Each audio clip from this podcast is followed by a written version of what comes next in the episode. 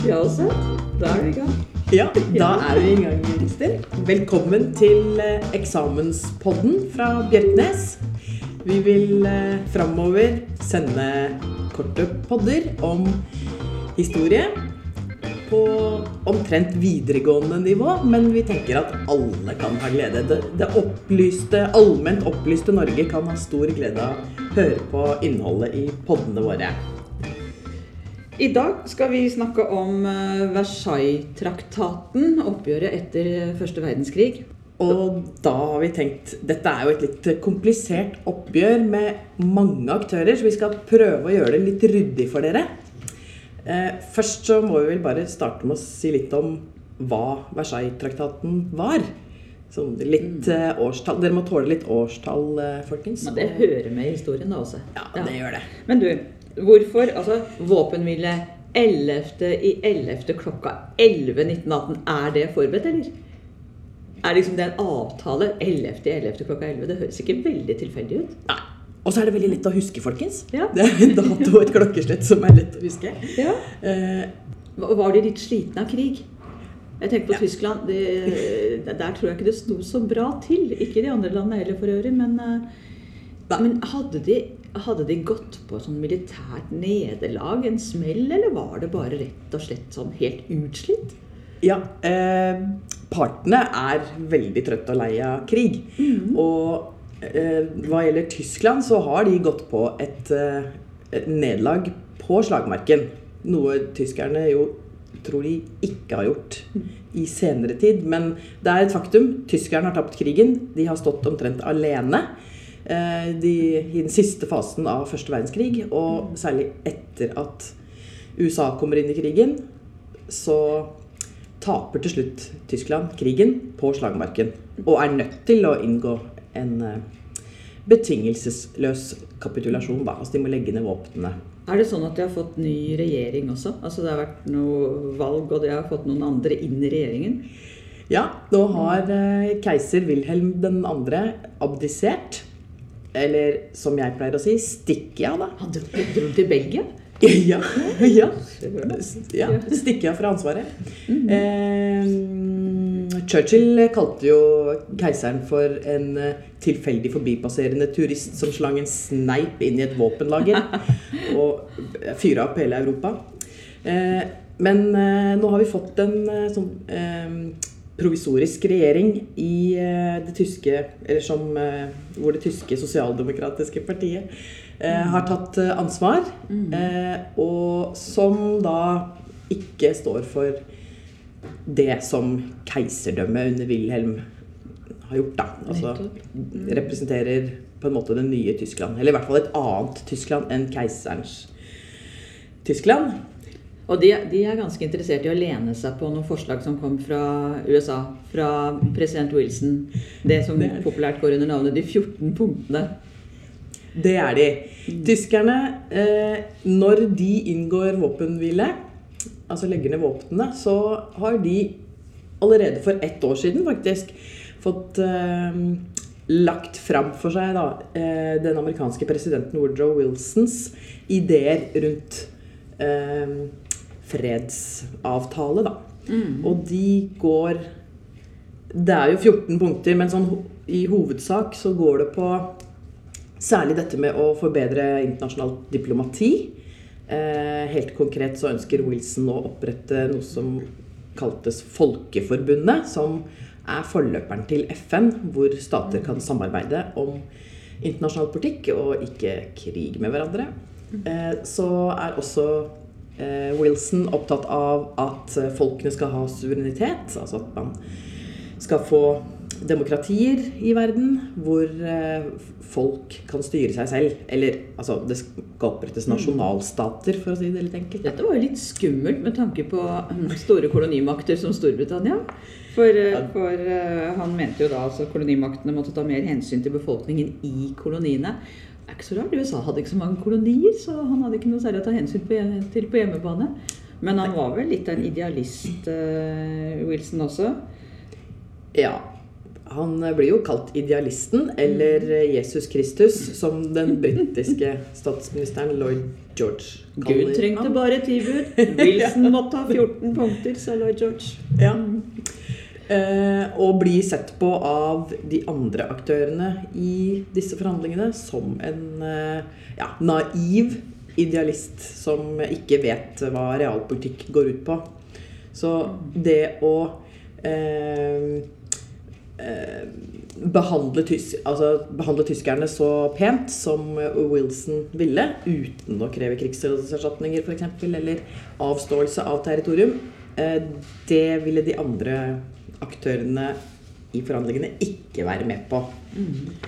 For hvis vi flytter oss til Versailles også Tre mil utenfor Paris og det, er ikke, altså Versailles, det var jo der eh, Tyskland, etter den tysk-franske krigen i 1871, inngikk da denne freden, eller hva jeg skal kalle det, med Frankrike, hvor de ydmyket Frankrike noe skikkelig.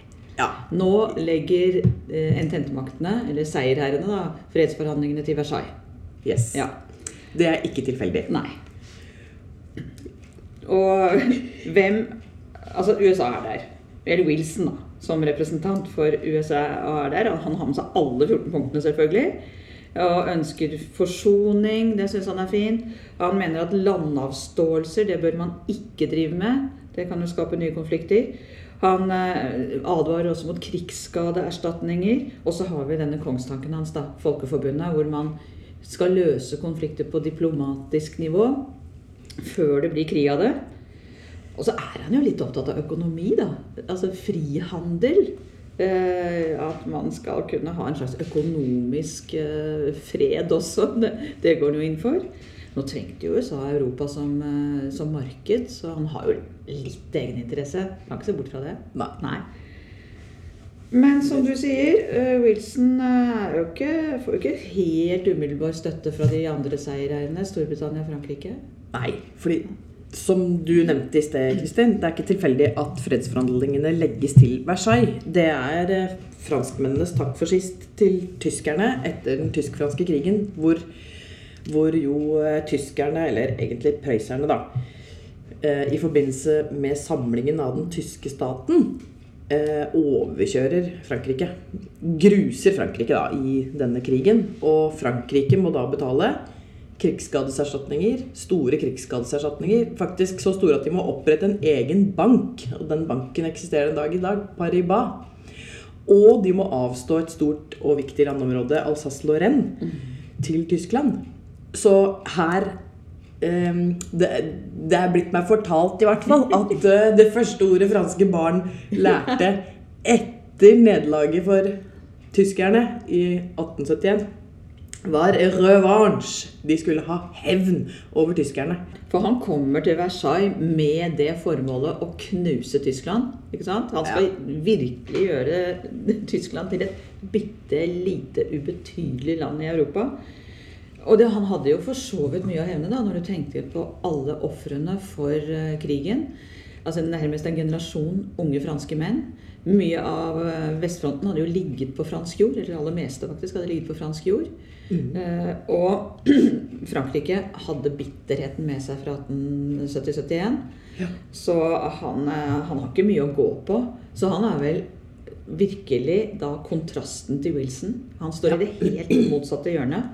Ja, altså, han ja, vil altså, jo- ja. man ikke bør undervurdere at det er en veldig brutal krig. da. Ja. Med bruk av forferdelige våpen.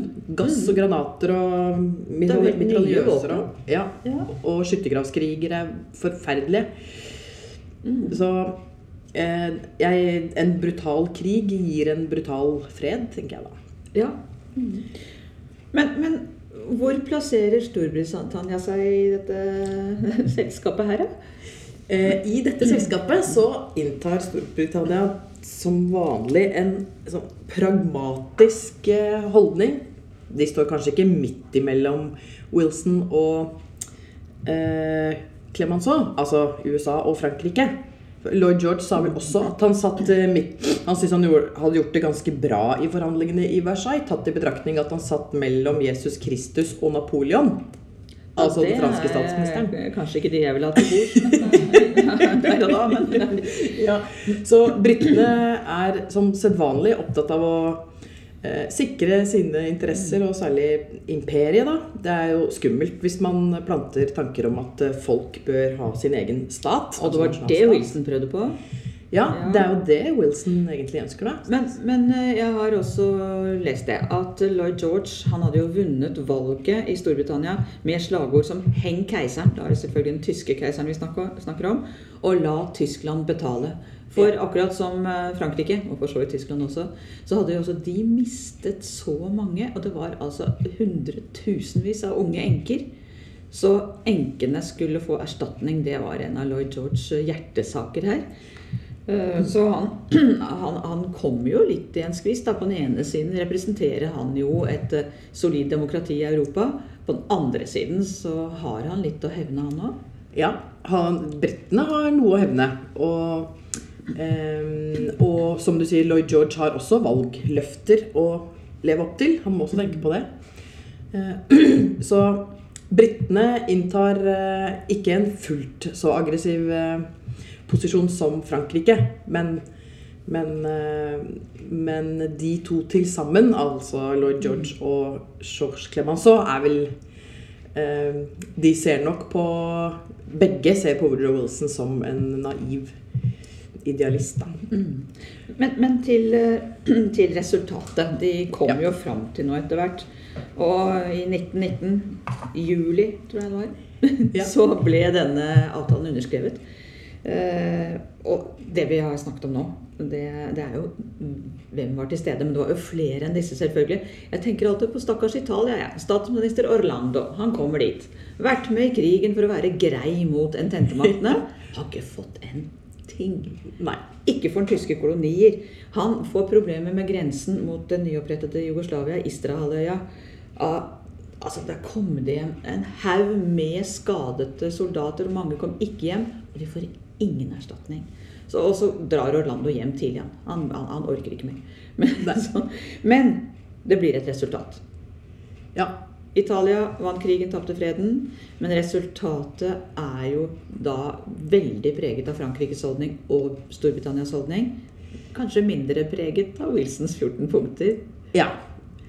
Hvis man ser på Hvis vi fokuserer litt på Tyskland, for det er det man vanligvis fokuserer på det er jo Avtalen omfatter jo mye mange flere områder, men hvis vi konsentrerer oss om Tyskland, så er det ikke noe tvil om at eh, Clemenceau fikk gjennomslag eh, når det gjelder Tyskland. Så eh, hvis vi starter Da må vi nesten ta en smørbrødliste, Kristin. Syns du ikke det? Ja, det er smørbrød. hva slags betingelser Tyskland fikk, som jo da ikke hadde fått vært med å forhandle. Så det er en diktatfred. De, de må akseptere det andre aktører har sittet og forhandlet seg fram til. Da. Så eh, Kanskje det mest forhatte punktet i Versailles-traktaten eh, i Tyskland senere er eh, krigsskyldparagrafen, som den eh, ble døpt. Hvor tyskerne må påta seg det moralske ansvaret for eh, hele første verdenskrig, faktisk. Men hva er det man bruker som begrunnelse? Så det er jo en konkret begrunnelse for det her. Ja, det, det er jo særlig denne blankofullmakten fra krigsutbruddet, Ja. hvor Tyskland, på forespørsel fra Østerrike eh, om hvorvidt Tyskland vil støtte Østerrike i en eventuelt krig med Serbia, sier go ahead, gjør hva dere vil. Vi støtter dere uansett. Vi støtter en østerriksk krig med Serbia. Og vi, vi støtter dere hvis dere for så vidt velger å ikke gå til krig mot Serbia. For da tenkte man liksom at, eller iallfall Østerrike og Ungarn tenkte kanskje at dette blir et lokalt oppgjør. Vi slår Serbia, så er vi ferdig med det tullet der. Og så uh, får vi sikret Balkan. Men det står jo i blankofullmakten at eh, det er bedre å gå til krig nå, før ententemaktene blir sterkere. Så i Tyskland, eller hos den tyske ledelsen, da, så må det jo også ha vært en tanke om at her ville den andre store blokken i Europa kunne blande seg inn. Ja, Altså ikke bare det lille lokale oppgjøret på Balkan. Ja, Du tenker litt på hvordan man tenker sikkerhetspolitikk Ja. før første verdenskrig? Ja, altså det, det farger jo denne skyldparagrafen. Ja. Eh, Det er en idé blant alle de europeiske stormaktene at det er en fordel å angripe først. Altså ha overtaket eh, hvis en eventuell krig, storkrig, skulle utvikle seg. Så gjelder det å være eh, først på banen til å angripe, sånn at man kan få et overtak. Da. Og for tyskernes vedkommende så er for å illustrere denne tankegangen eh, lett, så er kanskje Schliffen-planen noe av det som oftest blir trukket fram. da. Det er jo Hvor- angrepsplanen Tyskland har i starten av krigen, hvor de går løs på Frankrike via Belgia. Ja. Ja. Som jo er blitt kalt mobilisering etter klokka. Altså at eh, det er planlagt i helt ned på minuttet, nærmest, hvordan Tyskland skal mobilisere når de føler seg truet av krig. Fordi de frykter en tofrontskrig, så skal de da først gå til angrep på Frankrike. Det skal de, eh, de skal ta Frankrike i løpet av kort tid. Så skal de overflytte troppene til østfronten og møte Russland på østfronten. Så det vi kan være enige om, det er at eh, denne skyldparagrafen den ga Tyskland skylda, juridisk, moralsk, og det var bittert for Tyskland. For det var bittert for de sivile tyskerne som aldri hadde blitt spurt. Ja, Ja. eh, absolutt. Og, og jeg må også skyte inn at Østerrike har jo også sluppet helt unna ansvaret for, for utbruddet av første verdenskrig. Hvis vi skal se på Ja, om det, denne blankofullmakten er det som faktisk utløser krigen, så er det jo faktisk Østerrike som har en veldig aggressiv eh, måte å forholde seg til Serbia på. Da har vi Som, plassert den. Altså. ja, Ja. så Men ved siden av skyldspørsmålet krigsskadeerstatningen. Det var jo litt av en, eh, et punkt, altså. Ja. 138 milliarder gullmark. Ja. Det er ingen som skjønner dette med gullmark, men det betyr jo bare at markverdien skulle holdes eh, fast i forhold til prisen på gull. Mm. Slik at eh, hvis det ble høy inflasjon, og det ble det jo, så Ja. skulle ikke denne summen bare forsvinne, liksom bli halvert eller ja, ja. nesten borte. Så man skulle holde oppe verdien uansett valutasvingninger. Mm. Og dette her var jo et veldig omdiskutert eh, punkt. Eh, Wilson hadde jo i sine 14 punkter sagt at man må unngå det. Eh, Jeg har også hørt rykter om at den britiske økonomen John Maynard Keynes hadde vært til stede i Versailles og mente at man absolutt ikke måtte gå inn på det fordi det kunne ødelegge europeisk økonomi generelt. Ja. Tyskland er jo eh, Europas økonomiske lokomotiv. mm. før første verdenskrig så har jo Tyskland gått eh, forbi Storbritannia som den ledende økonomiske stormakten i Europa, da. Sammen med USA. Så eh, det å svekke, ødelegge tysk økonomi, det er ikke noe fordel for Europa. Nei. Og denne krigsskadeserstatningen skal jo vise seg å bli en så stor byrde for tyskerne at det blir kaos i tysk økonomi i 1923-24. Det forklarer noe av den krisen Tyskland er oppe i på 20-tallet, ikke sant? Ja, Og, og også hyperinflasjonen eh, på 20-tallet. det gjør det. Ja. Det er, dette, det er en direkte konsekvens av Mm. Landavståelser. Ja, i landavståelser. Ja. Her, eh, hvis vi ser på Hvis du er glad i tall, så har jeg notert meg at det var 14% av tysk areal som eh, måtte avstås. Ja, 14-15 Ja, av okay, 15 det tyske kjerneområdet. altså områder som ligger til eh, Ja. til eh, moderlandet Tyskland. mm. Eh, eh, og da har vi en eh, smørbrødliste her òg, da, Kristin. Mm. Med selvfølgelig Alsace-Lorraine, Mm. som eh, skal tilbake til eh, Frankrike. ja. Det er det, det punktet mener jeg også britene støtter. Altså det, det er noe av det de eh, det, skal ha gjennomslag for. var det en liten bit sør på Jylland. Ja, Som gikk tilbake til Danmark. Ja, Ja. Schleswig-Holstein. ja. Og så deles jo Tyskland i to med den såkalte polske korridoren. Sånn at Polen skulle få adgang til Østersjøen eh, ved Gdansk. Ja, Som da selvfølgelig også er et tysk navn. Danzig. ja, Ja. det er det. Og så var det jo eh, områder eh, i øst mot det som blir Tsjekkoslovakia, Sudetenland, altså eller Sudetområdet. Hvor det Ja. bodde mange tyskere, og som kom til å bli et uh, kinkig spørsmål senere. Ja, det er vel omtrent tre millioner eh, tysk, Mm. tyskspråklige som bor i den nordlige delen av det som blir Tsjekkoslovakia. Mm. Ty- Tyskland mister alle kolonier. Ja. Eh, Det er Salomonøyene i Stillehavet, og så er det tysk Øst-Afrika og tysk Ja. Vest-Afrika ja. eh, særlig. Og så får du aldri virkeliggjort Berlin-Bagdad-aksen, hvor du skulle bygge jernbane fra daværende Konstantinopel, nåværende Istanbul og til Bagdad. Ja. Ja. Og, Men- men, også, men her er det også litt interessant å se på hvis man ser på resten av europakartet. Ja, jeg skulle bare bli ferdig med Tyskland, jeg. Ja. For jeg syns vi må ha med nedrustningen. Ja. Tvangsnedrustningen. Ja. De får jo ikke lov til å ha noe militærvesen. Ingen hær, ikke noe luftvåpen, ikke noe marine. Får ikke lov å bygge ubåter. De skal sitte med en sikkerhetsstyrke på 100 000 mann som først og fremst skal ta seg indre ro og orden. Det måtte jo være ganske tøft for en relativt militarisert stat. For altså, Tyskland, eller særlig Nord-Tyskland, Prøysen, har jo en sånn mange hundreårig lang historie som supermilitære og supersoldater. Ja, de har det. Ja. Eh, Utgangspunktet for den tyske statens samling er jo Prøysen, den mektigste fyrstestaten, som både er økonomisk og militært.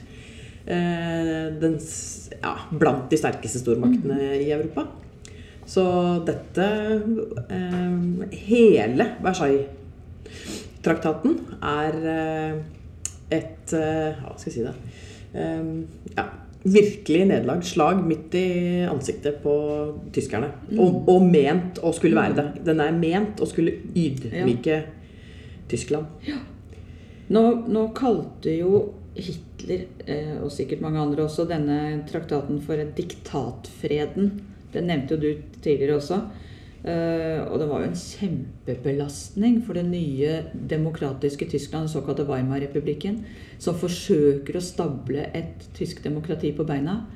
Og så er det jo det at det var jo ingen soldater, eller fremmede soldater i Berlin eller i Tyskland i 1918. De hadde liksom ikke gått inn og okkupert Tyskland og slått Tyskland altså, innenfor grensene til Tyskland. Så da er man jo på en måte fri til å lage sin egen fortelling i Tyskland om eh, hvordan denne freden ble til. Ja. Og det er jo f.eks. det nystiftede NSDAP, Ja.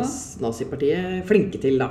Eh, Men det oppstår også da en eh, legende, dolkestøtlegenden.